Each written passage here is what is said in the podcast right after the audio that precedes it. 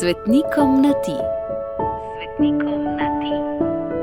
Razmišljanje Gregorja Čušina.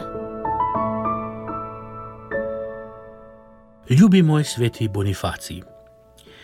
Bonifacijev vas je v nebesih kar nekaj.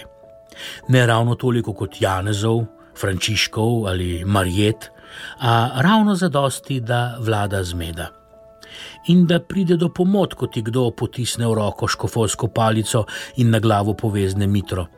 In se človeku zazdi, da se ga je Miklaš malo napil in zamenjal zimo za pomlad. Upam, da mi z Miklažem ne boste zamerila, a vsaj ti, ljubi moj sveti Bonifaci, si znal pregloboko pogledati v kupico in zvrniti kakšno preveč. Tako piše. In piše tudi, da nisi prav nič zgledno živel. Da si krščen sicer bil, a se za krst nisi dosti brigal, ne za druge zakramente, in da si si dolgo časa postiljal na koruzi.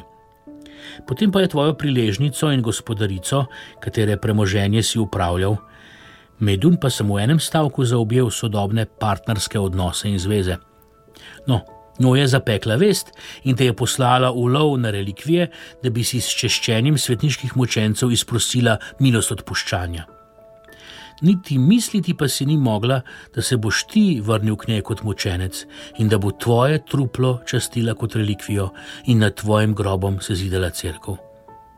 Ali pa se ji je morda čisto malo sanjalo, se si se ob slovesu šalil prav na ta račun, rekoč: Če bi ti prinesli moje telo kot telo mučenca, bi ga sprejela.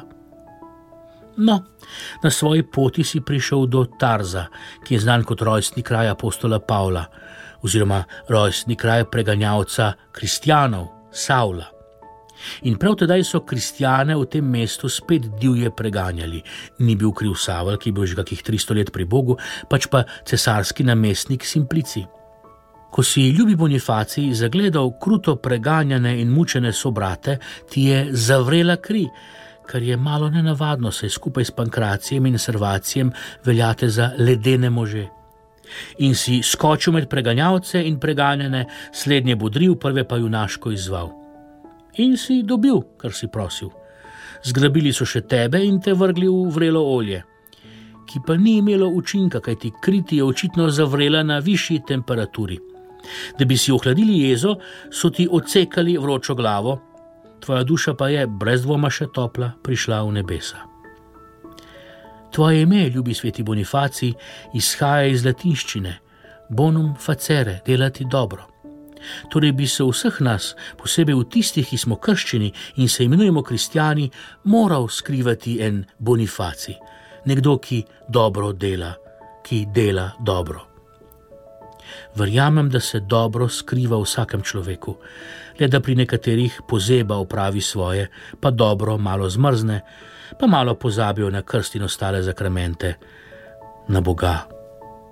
Ljubi moj sveti Bonifaci, obilo žegna za tvoj god, pa nas varuj to vrstne pozebe in nas ogrej z božjim žegnom, da nam bo zavrela kriza prave reči. Gregor.